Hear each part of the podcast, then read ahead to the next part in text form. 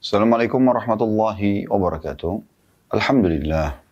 Selalu saja lisan kita memuji sang pencipta Allah atas segala nikmat yang dilimpahkan kepada kita.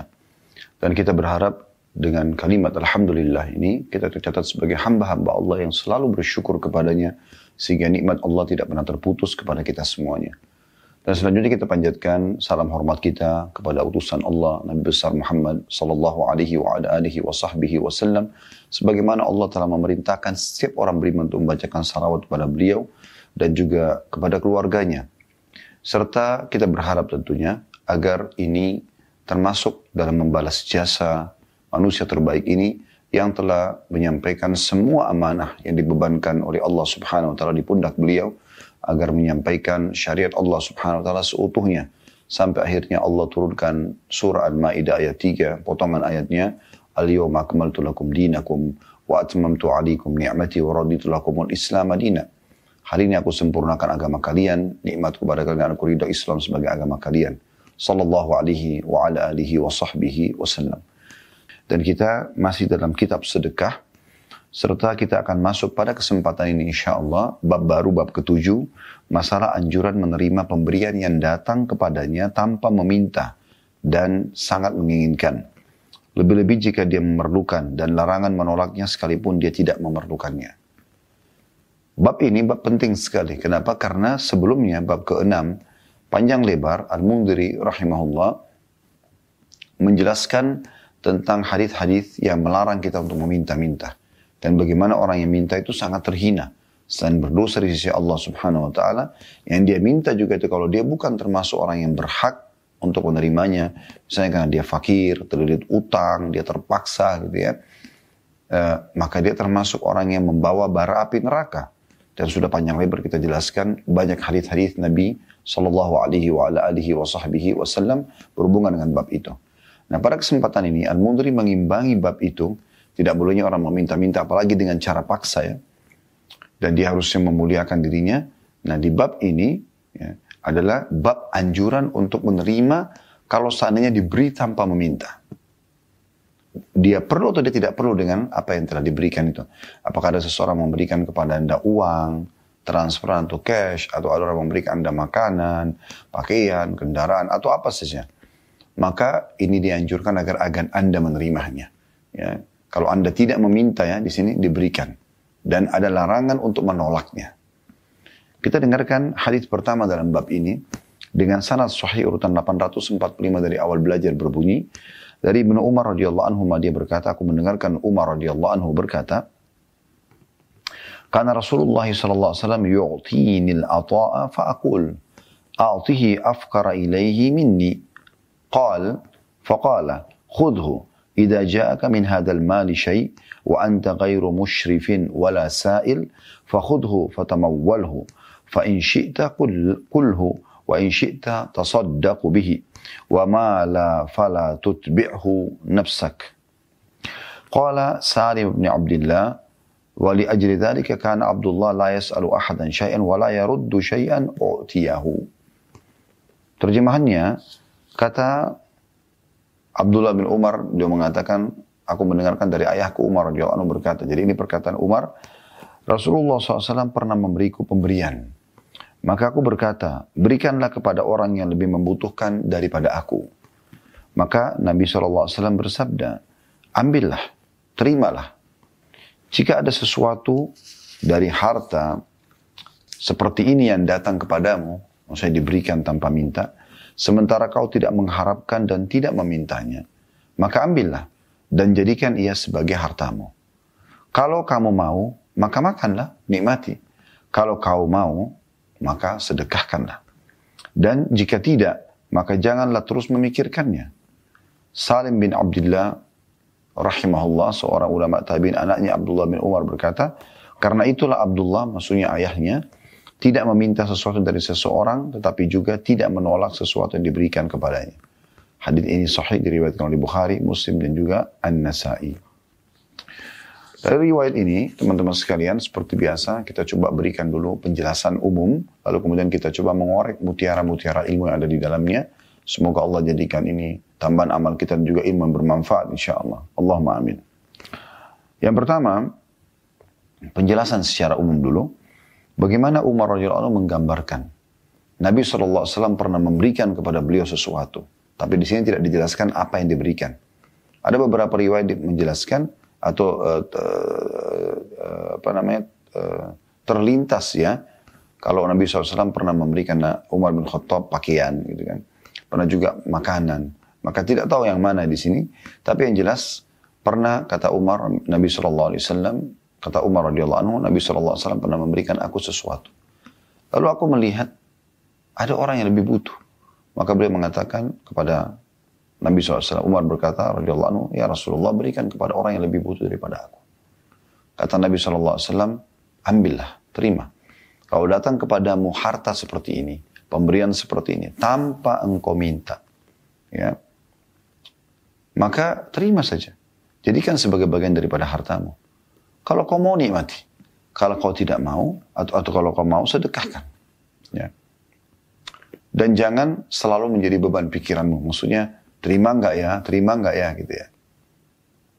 Maka Salim bin Abdullah rahimahullah jadi Umar bin Khattab punya anak namanya Abdullah. Abdullah punya anak namanya Salim. Salim bin Abdullah, kalau anda pegang bukunya, maksudnya adalah cucunya Umar bin Khattab. Menceritakan karena riwayat ini dinukil dari ayahnya Abdullah. Mencerita tentang ayahnya lagi Umar bin Khattab. Gitu kan. Maka Salim bin Abdullah, cucu Umar bin Khattab mengatakan, karena adanya riwayat ini, penyampaian dari kakekku Umar tentang masalah Nabi SAW menyuruhnya mengambil pemberian kalau tidak dengan meminta-minta, maka ayahku Abdullah tidak pernah meminta kepada siapa pun, tapi juga tidak pernah menolak kalau ada pemberian yang disampaikan atau diberikan kepada beliau.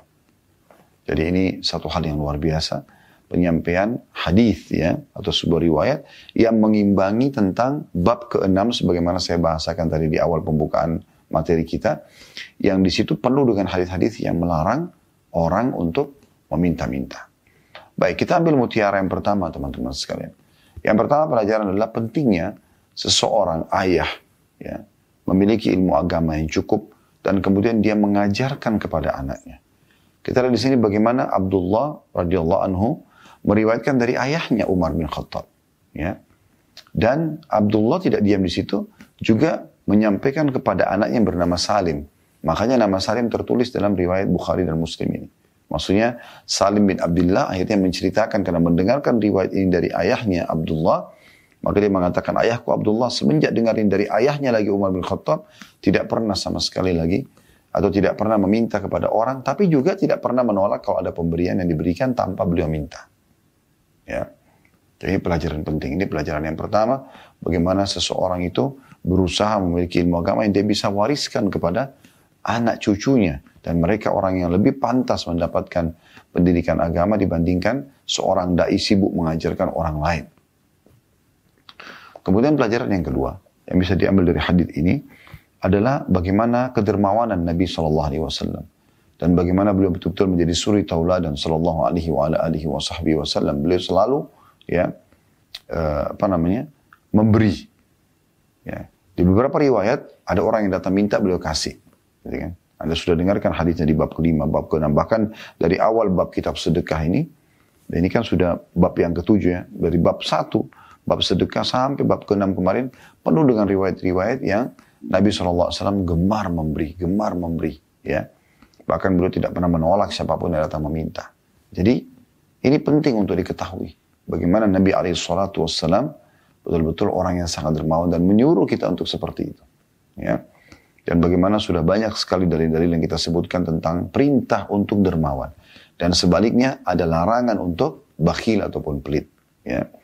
Jadi Anda bisa baca perintah untuk bersedekah ini dari surah Al-Baqarah surah nomor 2 ayat 161 sampai 174 maaf, 261 ya, sampai 274. Ya. Ini bicara tentang sedekah. Ya. Sementara tentang bakhil disebutkan di akhir surah Muhammad. Ya. Dan ada beberapa ayat-ayat yang lain tentunya bicara tentang masalah bakhil ya. Tapi ini sudah disebutkan atau kami sudah paparkan panjang lebar tidak kita ulangi lagi pada kesempatan ini tentunya.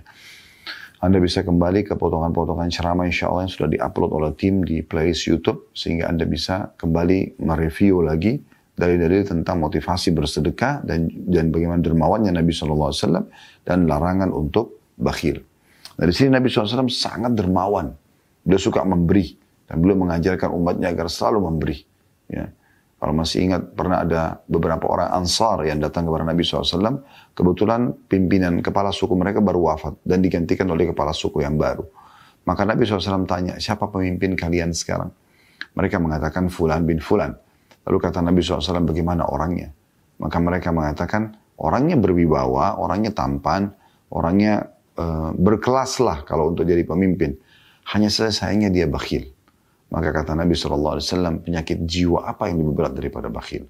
Jadi dilarang untuk itu, gitu kan? Jadi kita disuruh dermawan. Dan ini Nabi SAW contohkan. Beliau bukan, kedermawan itu bukan digambarkan hanya memberikan kepada fakir miskin. Tapi memberi kepada semua orang, termasuk orang mampu pun diberikan. Umar bin Khattab pada saat itu mampu. Tapi Nabi SAW berikan dia. Berarti menandakan kita boleh memberi kepada orang yang mampu pun. Ya, Baru beberapa hari lalu berlalu, hari tasyrik dan hari nahar, ya, hari berkurban. Boleh nggak seorang anak yang mampu menyembelih hewannya, kemudian dia hewan kurbannya lalu kemudian dia ambil sebagian daging lalu dia berikan kepada orang tuanya yang orang tuanya orang mampu. Boleh saja. Ya, boleh saja. Nabi SAW termasuk orang yang mampu. Dan beliau kadang-kadang membahasakan kepada para sahabatnya, berikan bagian dari daging itu untukku misalnya. Ya. Jadi memang dibolehkan. Ya. Kemudian yang ketiga yang bisa diambil dari hadis adalah anjuran agar seorang muslim sesuai dengan bab kita untuk menerima pemberian dan jangan menolaknya. Butuh atau tidak butuh. Di sini Umar bin Khattab pada saat diberi oleh Nabi SAW, dia sempat menolak. Dia mengatakan, Ya Rasulullah, berikanlah kepada orang yang lebih daripada aku. Kata Nabi SAW, ambil ini. Ya, ambil. Kalau kau diberikan bagian harta seperti ini tanpa kau memintanya, tanpa kau mau mengemisnya, memaksanya, maka ambil. Jadikan bagian dari hartamu. Bisa kau nikmati atau kau sedekahkan. Jadi ada anjuran untuk menerima pemberian yang diberikan kepada kita. Kita berterima kasih pada orang yang memberi. Baik itu sederhana ataupun mewah ya. Sedikit ataupun banyak ya. Kemudian selanjutnya pelajaran yang keempat adalah ada motivasi untuk menikmati harta. Ya. Diambil dari potongan sabda Nabi Shallallahu Alaihi Wasallam, ya, fa in kulhu, kalau kau mau makan nikmati. Wa in syi'ta saddaqta bihi. Dan kalau kau mau, kau boleh sedekahkan. Ya, jadi ada anjuran untuk menikmatinya. Kemudian yang kelima, ada perintah untuk bersedekah. Artinya selain makan juga bersedekah. Dan ini sudah umum, ini dalam bab kita, ya, bab sedekah atau kitab sedekah ini. Kemudian yang keenam pelajaran yang bisa diambil adalah potongan sabda Nabi SAW dan janganlah terus memikirkannya. Wa mala fala tutbi'u nafsak. Kalau kau tidak mau pun, maka jangan jadikan beban pikiranmu. Maksudnya terima saja. Gak usah bilang ini haram atau halal. ya. Karena sudah jelas, aku sudah contohkan, boleh kau menerima pemberian apa pun selama bukan kau yang memintanya. Tentu juga produk yang dikasih itu adalah halal ya. Kemudian yang terakhir teman-teman sekalian adalah bagaimana penyampaian Salim bin Abdullah ini yang pelajaran yang ketujuh ya seingat saya mudah saya tidak keliru adalah e, perkataan beliau bahwasanya karena riwayat ini maka ayahku Abdullah tidak pernah minta kepada siapa pun. Berarti kembali larangan untuk meminta-minta kepada orang mengemis. Itu satu bab khusus kemarin, bab ke-6 sudah kita bahas ya. Dan anjuran untuk menerima pemberian. Dan dikatakan ayahku Abdullah setelah dengar riwayat ini tidak pernah meminta-minta pada orang dan tidak pernah juga menolak pemberian. Ya, jadi ini pelajaran dari hadis pertama kurang lebih tujuh faedah yang bisa kita ambil. Kita langsung bacakan hadis yang kedua, sahih li ghairihi, menjadi sahih karena dikuatkan dengan riwayat-riwayat lain. Urutan 846 dari awal belajar berbunyi dari Atha ibn Yasar radhiyallahu anhu, anna Rasulullah sallallahu alaihi wasallam arsala ila Umar ibn Khattab radhiyallahu bi Atha.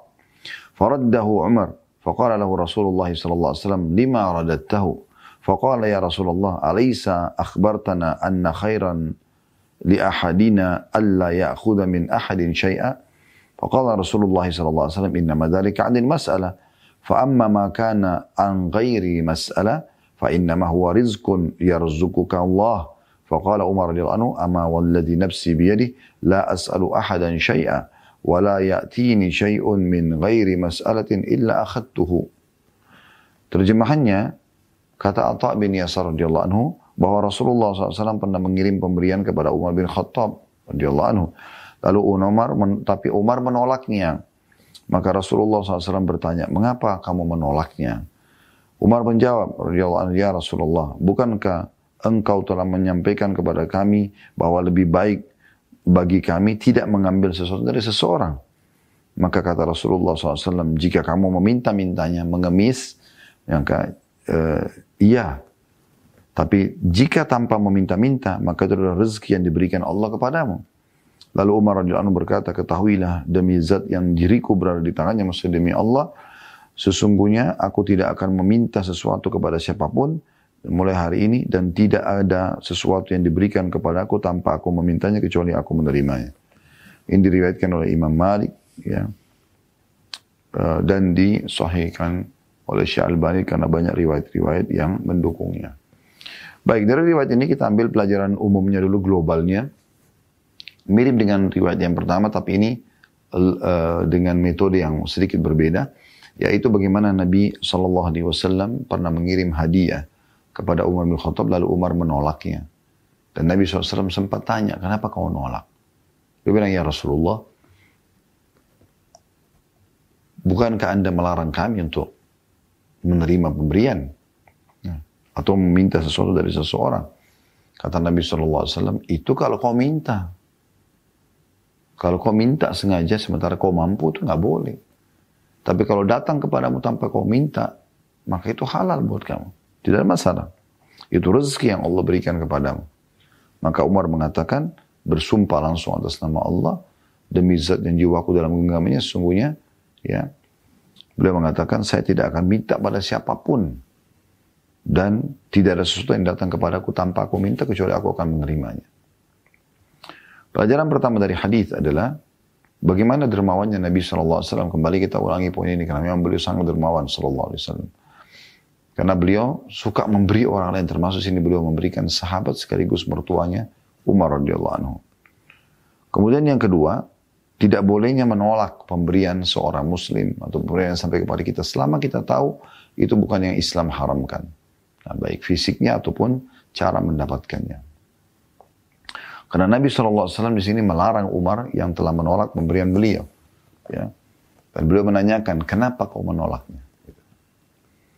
Maka Umar mengatakan, yang kami faham selama ini ya Rasulullah, sesungguhnya Anda atau engkau melarang kami menerima ya, dari orang, dari seseorang gitu. Ya. ya Rasulullah, bukankah engkau telah menyampaikan kepada kami bahwa lebih baik bagi kami tidak mengambil dari seseorang? Maka Nabi SAW mengatakan sesungguhnya itu kalau orang mengemis. Ya. Kalau datang tanpa mengemis, maka itu adalah rezeki yang Allah berikan. Ya, jadi ini pelajaran yang kedua. Gitu. Pelajaran yang ketiga, bolehnya seseorang menanyakan kepada orang lain kalau misalnya kita memberi sesuatu lalu dia menolak. Kenapa anda tolak? Gitu. Boleh kita menanyakan. Nabi SAW bertanya kepada Umar, kenapa kau tolak? Bisa saja teman-teman sekalian, Mungkin yang kita berikan dari makanan tradisional kampung kita misalnya kepada tetangga, mungkin memang mereka tidak suka makanan itu. Karena tidak terbiasa. Maka penolakan mereka mungkin karena tidak cocok sama lidah mereka. Sudah pernah anda beri, maka mungkin jadi mubazir gitu kan. Jadi anda boleh tanyakan. Walaupun secara hukum harusnya tetangga tidak perlu menolaknya. Ya, dia tinggal menerima sebagaimana riwayat pertama, dia nikmat atau dia sedekahkan kepada orang lain. Tapi di sini boleh kita bertanya. Ini pelajaran yang ketiga. Pelajaran yang keempat yang bisa diambil dari hadis adalah kalau sesuatu yang datang ya kepada kita tanpa kita meminta itu adalah rezeki, maka boleh dinikmati. Yang terakhir adalah teman-teman sekalian pelajarannya bagaimana Umar bin Khattab adalah orang yang sangat luar biasa dalam menerima syariat Allah Subhanahu wa taala. Begitu dia dengar penjelasan dari Nabi SAW dengan dalil yang jelas, maka langsung beliau bersumpah atas nama Allah, mulai detik itu beliau tidak akan minta kepada orang dan kalau datang pemberian maka beliau tidak akan pernah menolak. Nah ini harus menjadi prinsip seorang muslim. Bagaimana dia ya eh, apa namanya tidak eh, menerima apa yang Allah dan Rasulnya sampaikan tanpa harus terlalu banyak mendikte. Ya. Karena Nabi SAW mengatakan dalam sebuah hadis, hati-hati perselisihan di antara kalian banyak bertanya segala macam. Karena itu telah membinasakan umat-umat sebelum kalian. Ya. Hadis selanjutnya, hadis yang ketiga, teman-teman sekalian, hadis dengan sanad Hasan Sahih. Ya. Ini urutan tiga, urutan tiga dalam bab ini dan urutan 847 dari awal belajar berbunyi dari Umar bin Khattab lalu dia berkata, "Qultu ya Rasulullah, qad qulta li inna khairan laka alla tas'ala ahada minan nasi syai'a." Qala innama dhalika an tas'al wa ma ataka Allah min ghairi mas'alatin fa innama huwa rizqun razaqahu Allah. Artinya hadis ini diriwayatkan Tabaran dalam Abu Ya'la dengan sanad yang la ba'sa atau bisa diterima. Secara global, maknanya adalah mirip dengan dua hadis yang sebelumnya. Bagaimana Umar radhiyallahu menjelaskan ya bahwasanya satu waktu aku pernah berkata kepada Nabi Shallallahu Alaihi Wasallam, ya Rasulullah Anda sudah mengatakan kepada kami, kalau yang terbaik dari seseorang dari kalian adalah kalau dia tidak minta kepada orang. Maka kata Nabi SAW, benar, itu kalau kau minta. Tapi kalau diberikan tanpa kau memintanya, maka itu adalah rezeki yang Allah berikan kepada. Ya. Jadi makna globalnya. Pelajaran yang pertama dari hadis adalah bagaimana Umar bin Khattab radhiyallahu sangat jeli ya setiap kali ada permasalahan beliau selalu kembalikan kepada Allah dan Rasulnya dan perlu anda ketahui ya umumnya hukum-hukum syari itu itu justru yang terjadi di masa Nabi SAW para sahabat melakukan memang Nabi tidak pernah contohkan tetapi di masa itu wahyu masih masih turun ya dalam arti kata, masih kemungkinan ya diperbaikin kalau itu salah oleh Allah dan Rasulnya sambil ayat Al-Quran turun. Begitu juga kalau benar didukung. Oleh karena itu tidak bisa dijadikan sebagai hujah. Sahabat ada juga yang melakukan perbuatan Nabi tidak contohkan kok. Ente keliru. Mereka bukan kerjakan setelah Nabi SAW meninggal. Mereka mengerjakan di masa hidupnya Nabi SAW. Sehingga ya, kalau benar Nabi dukung, kalau salah maka Nabi SAW pasti mengingkarinya. Baik, selanjutnya teman-teman sekalian, bolehnya menikmati pelajaran yang kedua, bolehnya menikmati rezeki yang datang kepada kita. Walaupun kita orang mampu, ya, makanan, minuman, pakaian, dan seterusnya. Ada anjuran untuk bisa menerima pemberian-pemberian tersebut. Baik teman-teman sekalian, kita lanjutkan insya Allah di hadis keempat dalam bab yang sama, yaitu masih dalam bab yang ketujuh, anjuran menerima pemberian yang datang kepada kita tanpa meminta-minta dan e, baik kita memerlukan atau tidak memerlukannya ya. Hadis yang keempat dalam bab ini dengan sanad sahih utan 848 dari awal belajar berbunyi dari Khalid bin Adi Al-Juhani radhiyallahu anhu dia berkata, aku mendengarkan Rasulullah sallallahu alaihi wasallam bersabda, "Man balagahu an man balagahu an akhihi ma'rufun min ghairi mas'alatin wala ishrafi nafsin falyakbalhu wala yaruddah fa innama huwa rizqun saqahu Allah azza wa jalla ilaih Barang siapa yang dikirimi kebaikan dalam kurung pemberian dari saudaranya tanpa memintanya dan tidak mengharapkannya, maka hendaklah dia menerimanya dan tidaklah menolaknya.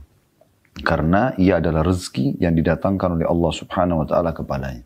Hadis ini diriwayatkan oleh Ahmad dengan sanad yang sahih. Abu Ya'la juga meriwayatkan. At-Tabarani Ibn Hibban dan juga Al-Hakim.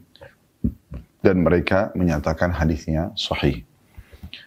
Baik, dari hadis ini lebih jelas lagi. Bagaimana baginda Nabi SAW mengatakan, sekali lagi terjemahnya, barang siapa yang dikirimi sesuatu.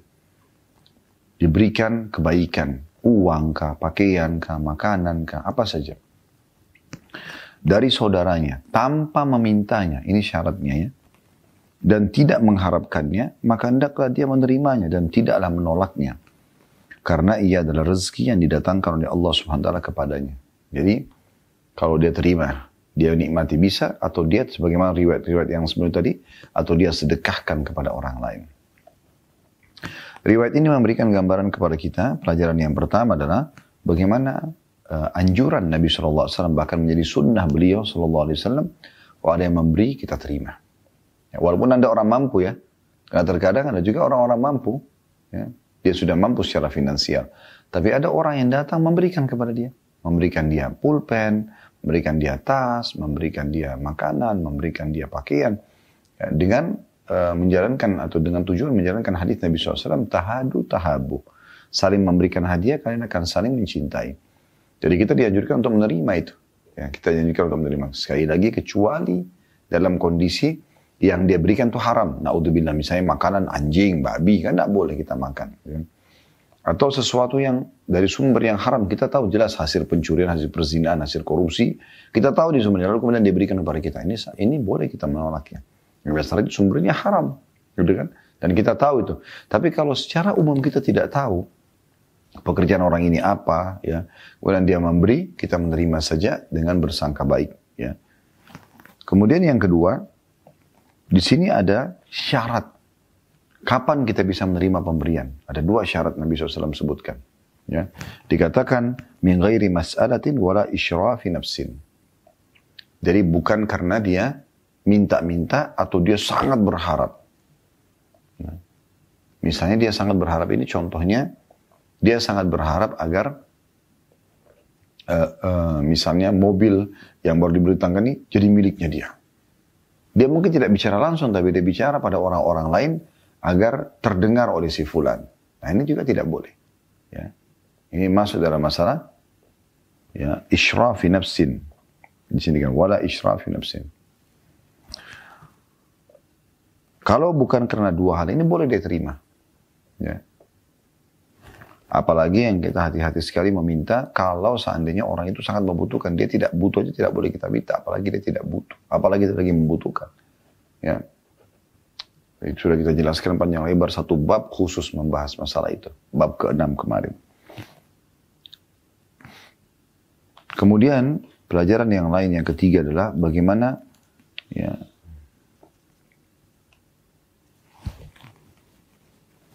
adanya rezeki yang Allah subhanahu wa ta'ala akan berikan kepada hambanya walaupun selain yang dia usahakan.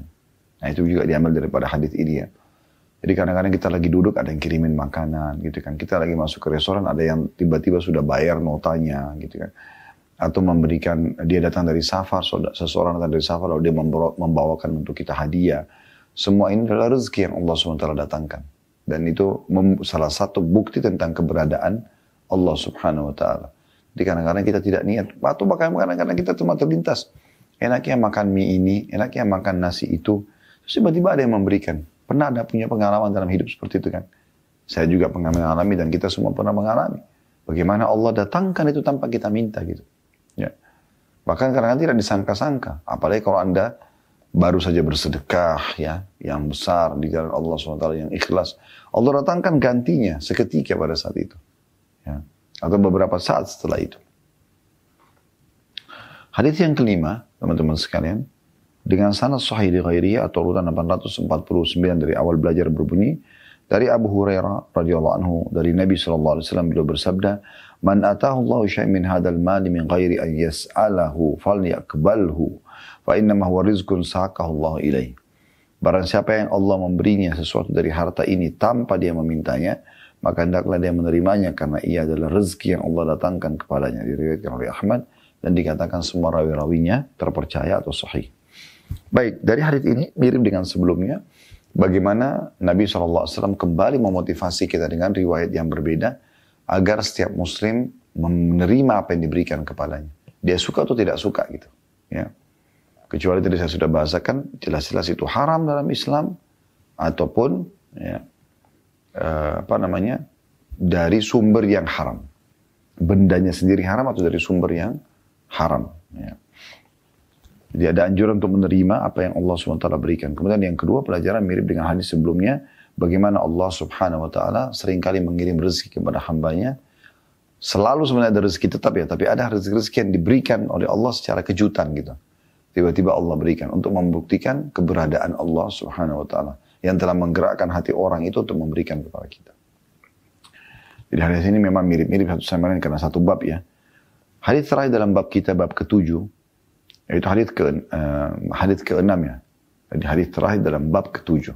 Ini adalah hadis nomor 6 dalam bab ini dengan sanad sahih urutan 850 dari awal belajar berbunyi dari Aid bin Amr radhiyallahu anhu dari Nabi wasallam beliau bersabda man urida lahu min hadzal rizq syai'un min ghairi mas'alatin wala israf falyatawassa' bihi fi rizqihi fa in kana ghaniyan falyuwajjihhu ila man huwa ahwaja ilaihi minhu Barang siapa yang diberi sesuatu dari rezeki ini tanpa meminta dan berharap maka hendaknya dia menerimanya untuk melapangkan rezekinya. Jika dia berkecukupan, maka hendaklah ia memberikannya kepada yang lebih membutuhkan daripada dirinya. Hadis ini diriwayatkan Ahmad atau tabrani Al-Hakim dan dikatakan hadis ini sahih oleh Syekh Albani. Dari hadis ini kita lihat sama tadi ya. Kurang lebih pelajaran pertama, bagaimana ada anjuran untuk menerima ya pemberian orang lain asal kita tidak memintanya di sini dikatakan sama min ghairi mas'alat itu syarat pertama dan yang kedua juga wala israf. Ya artinya tidak memang e, berharap sekali dari situ sehingga akhirnya membuat kita memaksakan diri atau menggunakan orang ketiga untuk memintanya. Itu ya.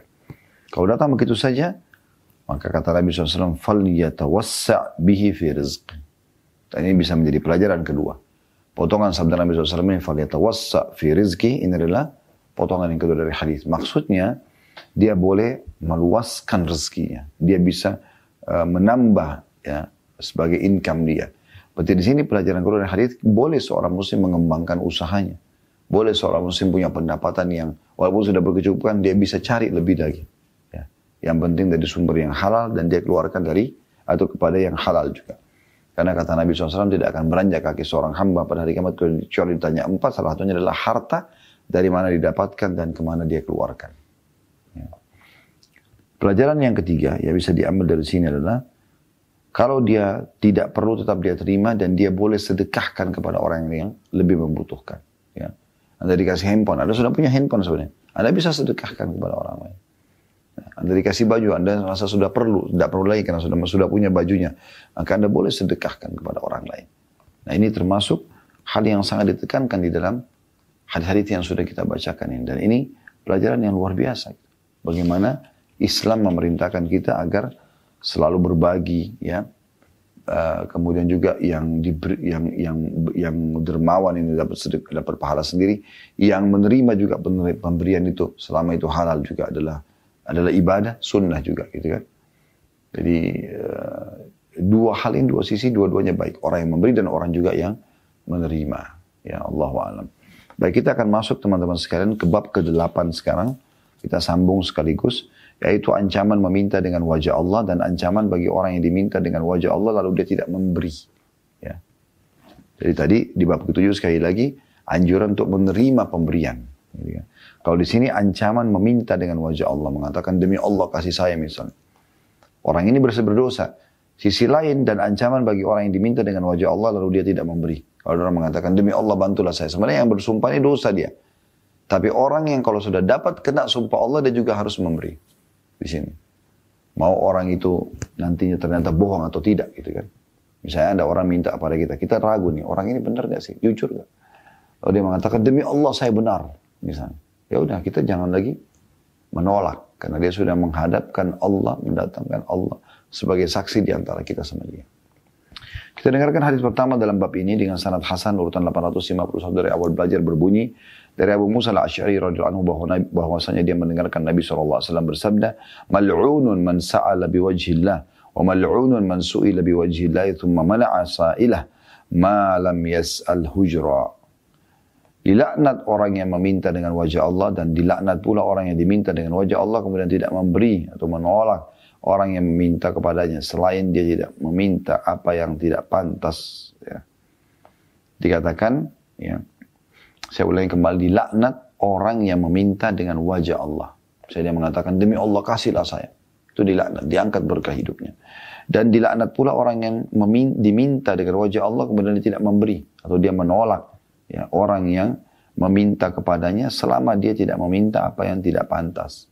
Jadi kayak misalnya uh, dia minta sesuatu, ya, dia mengatakan demi Allah kasihlah saya. Sebenarnya dia berdosa dengan memintanya itu. Karena kan di sini dikatakan mal'un, dilaknat gitu kan. Tapi kalau dia sudah bilang demi Allah kasihlah saya, maka kita yang sudah disumpah ini nggak boleh nolak, nggak boleh kita mengatakan tidak, saya tidak mau kasih. Dia sudah hadirkan Allah di sini. Ya. Selama di sini kata Nabi SAW, dia tidak meminta apa yang tidak pantas. Kayak misalnya jangan dia bilang, demi Allah berikanlah aku mobilmu. Gak mungkin kita kasih mobil-mobil itu kita pakai gitu kan. Maka itu tidak pantas. Tapi kalau dia mengatakan demi Allah berilah aku makan misalnya. Demi Allah berilah aku pakaian. Ya. Itu sesuatu yang bisa kita jangkau gitu. Maka kita berikan. Ya, terutama kalau dia sudah menggunakan nama Allah. Baik itu secara umum makna hadis. Kita masuk ke pelajaran pertama. Adanya laknat ya bagi orang yang meminta dengan menggunakan nama Allah. Demi Allah berikan saya. Nah itu dilaknat. Karena dia tidak boleh gitu. Ya, kalau darurat sekali dia boleh minta-minta biasa saja. Makanya jangan permainkan demi Allahnya ini. Kemudian pelajaran yang kedua dari hadis juga dilaknat orang-orang yang sudah dimintai atas nama Allah tapi sesuatu yang pantasnya lalu tidak memberikan. Tadi saya kasih contoh, demi Allah berilah makan, saya belum makan dua tiga hari. Demi Allah berilah saya pakaian, demi Allah anak saya sakit dan segala macam maka anda berikan. Kalau dia bohong itu urusan dia sama Allah subhanahu wa ta'ala inna ma'amalu bin niat. Semua sesuai dengan niatnya, anda dapat pahala sesuai dengan niat anda, dia pun mendapatkan hukuman sesuai dengan niatnya. Hadis ini diriwayatkan Tabarani dan rawi-rawinya semuanya thiqah. Ya, ini pelajaran yang bisa kita ambil. Gitu. Hadis yang kedua dalam bab yang sama dengan sanad sahih urutan 850 dari awal belajar berbunyi dari Ibnu Umar radhiyallahu anhu dia berkata Rasulullah SAW bersabda man ista'ada billahi fa'idhuhu wa man sa'ala billahi fa'atuhu wa man da'akum fa'ajibuhu sana ilaikum ma'rufan fakafi'uhu fa in lam tajidu ma tukafi'uhu fad'u lahu khairan taraw annakum qad kafa'tumuhu Terjemahannya barang siapa yang meminta barang siapa yang minta perlindungan ya dengan Allah dengan nama Allah dia mengatakan demi Allah lindungilah saya misalnya. Maka lindungilah dia. Dan barang siapa yang meminta dengan nama Allah, maka berilah dia. Misalnya dia mengatakan yang pantas ya, demi Allah berikanlah saya makan, saya belum makan. Ya. Dan barang siapa yang mengundang kalian, maka penuhilah undangannya. Barang siapa yang berbuat baik kepada kalian, maka balaslah kebaikannya. Namun jika kalian tidak mempunyai sesuatu untuk membalasnya, maka doakanlah dia uh, hingga kalian merasa bahwa kalian telah membalasnya. Ya. Riwayat ini memberikan gambaran kepada kita. Ya. Yang pertama, adanya anjuran agar seseorang itu kalau dimintai perlindungan dan dia memang punya wewenang, dia punya kemampuan dan digunakan atas nama Allah demi Allah lindungilah saya serta orang yang kita lindungi ini memang dalam kondisi dia benar. Ya. Tidak boleh Anda berhujah dengan ini Anda mengatakan, oh Nabi SAW mengatakan, para siapa yang minta perlindungan dengan dengan nama Allah maka lindungilah dia. Enggak, jangan dilindungi para pelaku kriminal. Biarkan mereka mendapatkan akibat dari perbuatannya sehingga ada efek jerah. Tapi yang dimaksud di sini adalah kalau ada orang yang meminta perlindungan, dia memang terzalimi, hartanya dirampas, dia akan dibunuh oleh perampok, lalu dia minta tolong, maka ini wajib kita membantunya. Pelajaran yang kedua, ya, begitu juga dengan orang yang meminta menggunakan nama Allah, mengatakan demi Allah berilah saya. Misal, contoh. Tadi dia minta makanan, dia minta minuman, dia minta pakaian, dia minta pekerjaan. Ya. Sementara kita punya lowongan, kita punya kesempatan, maka berikan kepada dia. Pelajaran yang ketiga, anjuran agar menghadiri undangan Selama undangan itu bukan dosa ya.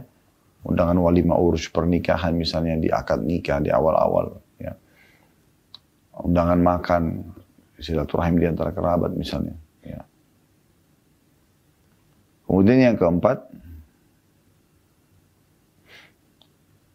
kita dianjurkan agar membalas kebaikan orang yang telah berbuat baik kepada kita. Bisa dia beri makanan, kasih makanan. Jangan selalu tetangga kirim piring, isinya makanan, kita selalu kembalikan kosong. Jangan selalu cuma tahu terima terakhiran dari teman-teman, pakaian, paket lebaran, dan segala macam. Kita padahal kita tidak pernah balas. Mungkin tidak boleh. Kita disuruh kafi'u, kafi'uhu, balas dia. Ya, seperti itu. Dan ada poin terakhir di sini, kalau tentu masih masuk dalam uh, mutiara yang sama ya. Kalau kalian tidak memiliki apa yang kalian bisa balas, mungkin karena harimau menyerang, ya maaf. Uh, jadi saya ulangi, kalau ya ada orang yang memberi kepada kita Lalu kita tidak bisa membalasnya. Ya, tidak bisa membalasnya. Maka cukup kita doakan. Doakan sampai dia bisa ya atau kita merasa sudah puas gitu. Jangan seperti ya, hewan atau tadi maaf saya berikan contoh harimau yang cuma tahu menyerang, mengambil. Ya. Kita manusia, kita normal. Kita harus bisa ya untuk selalu berterima kasih pada orang, balas hal yang sama, diberi makan kita balas dengan makanan atau ya kita doakan dia kebaikan. Dan dalam beberapa riwayat lain disebutkan ucapkanlah jazakallahu khairan Semoga Allah membalas anda dengan kebaikan. Kalau perempuan jazaki, jazaki. Kalau perempuan jazaka, ya. Jazakillahu khairan. Dan harus ada khairannya. Maksudnya semoga Allah balas. Jazakallahu, semoga Allah balas khairan kebaikan. Baik, ada tiga buah hadis yang lain dalam bab ini langsung kita selesaikan karena mirip dia, ya. Hadis ketiga, Hasan ghairihi menjadi Hasan karena dikeluarkan dengan riwayat-riwayat lain urutan 853 dari awal belajar berbunyi Diriwayatkan pula dari Abu Ubadah radhiyallahu anhu mantan hamba sahaya Rifa'a bin Rafi' radhiyallahu anhu bahwa Rasulullah SAW bersabda mal'unun man sa'ala bi wajhillah wa mal'unun man su'ila wajhillah famana'a sa'ilah. Dilaknat orang yang meminta dengan wajah Allah dan dilaknat pula yang diminta dengan wajah Allah. Lalu dia menolak orang yang meminta kepadanya. Hadis ini diriwayatkan oleh Tabarani. Jadi dari hadis ini kita lihat ada ancaman. Setiap kali ada ancaman laknat, murka Allah, siksa kubur, uh, masuk neraka misalnya, maka itu berarti dosa besar ya. Perhatikan kata Nabi SAW, mal'un, dilaknat. Ya, man sa'ala biwajillah, siapa yang minta dengan nama dengan wajah Allah. Demi Allah berikan saya. Ya. Kemudian mal'una man su'ila biwajillahi fa mana'a sa'ilah. Dan sebaliknya orang yang diminta atas nama Allah lalu tidak memberi maka dia pun dilaknat. Jadi dua-duanya. Kalau sudah lanjut ada orang mengatakan demi Allah kasihlah saya pakaian misalnya. Ya dia sudah pakai nama Allah, kita kasih saja. Walaupun dia berdosa. Kita jangan ikut-ikutan dosa. Gitu kan. Hadis keempat, ya, tentu ini pelajaran pertama dari hadis yang tadi, hadis ketiga ya. Kalau uh, Allah melaknat orang yang bersumpah atas nama Allah untuk meminta, ya, padahal dia bisa minta tanpa menggunakan nama Allah. Kemudian pelajaran yang kedua, juga dilaknat orang yang sudah terlanjur diminta atas nama Allah lalu dia tidak memberi. Hadis yang keempat, saya katakan tadi ada lima buah hadis dalam bab ini. Hadis keempat dengan sanad sahih, urutan 854 dari awal belajar berbunyi dari Ibnu Abbas radhiyallahu anhu bahwa Rasulullah sallallahu alaihi wasallam bersabda, "Ala ukhbirukum bi syarrin nas, rajulun yus'alu bi wajhillahi wa la yu'ti." Maukah kalian aku beritahukan tentang seburuk-buruk manusia, yaitu seseorang yang diminta dengan wajah Allah, namun dia tidak memberi. Diriwayatkan oleh Tirmidzi dan dikatakan hadis ini hasan gharib Ya, An-Nasai juga Ibn Hibban dalam sahihnya menyebutkan. Namun ini disahihkan oleh Syekh Albani. Baik, dari hadis ini, fokus Nabi SAW menyampaikan tentang orang yang pelit. Ancaman bagi orang yang pelit. Terutama kalau sudah diminta, ya, atas nama Allah. Dan dia tidak mau memberi. Dengan alasan, ah, ini cuma membuang, menyalahgunakan kata Allah itu atas nama Allah gitu. Dan tidak bisa kita begitu. Itu memang Allah yang menggerakkan dia untuk menggunakan kata-kata itu. Hadis yang terakhir dalam bab kita, sahih di ghairi menjadi sahih karena dikuatkan dengan riwayat-riwayat lain. Utan 855 dari awal belajar berbunyi diriwayatkan pun dari Abu Hurairah radhiyallahu anhu dia berkata, Rasulullah SAW bersabda, "Ala ukhbirukum bi syarril bariyah?" Qalu bala ya Rasulullah, qala alladhi yus'alu billahi wa la yu'ti. Maukah kalian aku beritahukan tentang manusia yang paling buruk? Mereka menjawab para sahabat, tentu ya Rasulullah. Kata Rasulullah SAW, orang yang diminta dengan nama Allah namun tidak memberi. Ya. Diriwayatkan oleh Ahmad. Dari hadis ini kita lihat bagaimana secara global maknanya orang yang sudah diminta atas nama Allah tolong berikan saya demi Allah bantulah saya. Lalu dia tidak memberi makanya dianggap ya manusia paling buruk. Karena sudah dihadirkan namanya Allah situ. Masalah orang yang meminta sama Allah itu dia pun berdosa tadi dilaknat ya. Dia tidak boleh, seorang muslim tidak boleh ucapkan itu. Tapi kadang-kadang ada orang, subhanallah lemah imannya atau belum punya ilmu, dia mengatakan, demi Allah kasihlah saya. Dia berdosa dengan itu, tapi kita juga berdosa kalau tidak memberinya. Jadi dari dua sisi ya, orang minta atas sama Allah tidak boleh. Dari sisi lain, kalau ada orang yang dimintai atas sama Allah, maka tidak boleh dia menolak. Ya, Allah wa'alam. Ini insya Allah bahasan kita teman-teman sekalian dan kita akan masuk di pertemuan akan nanti di bab, ke, bab ke-9 masih dalam kitab sedekah. Anjuran dan dorongan bersedekah berikut keterangan tentang sedekah orang yang pas-pasan dan orang yang bersedekah dengan apa yang tidak diinginkannya. Mudah-mudahan pada hari ini apa yang kita bahas bermanfaat buat kita semua. Allah jadikan sebagai ilmu yang bermanfaat, yang bisa berguna dan kita amalkan. Serta juga menjadi tambahan amal kita pada hari kiamat. Kalau benar pasti dari Allah, kalau ada salah dari saya mohon dimaafkan. Subhanakallah wa bihamdika. Asyhadu an la ilaha illa anta astaghfiruka wa. Wassalamualaikum warahmatullahi wabarakatuh.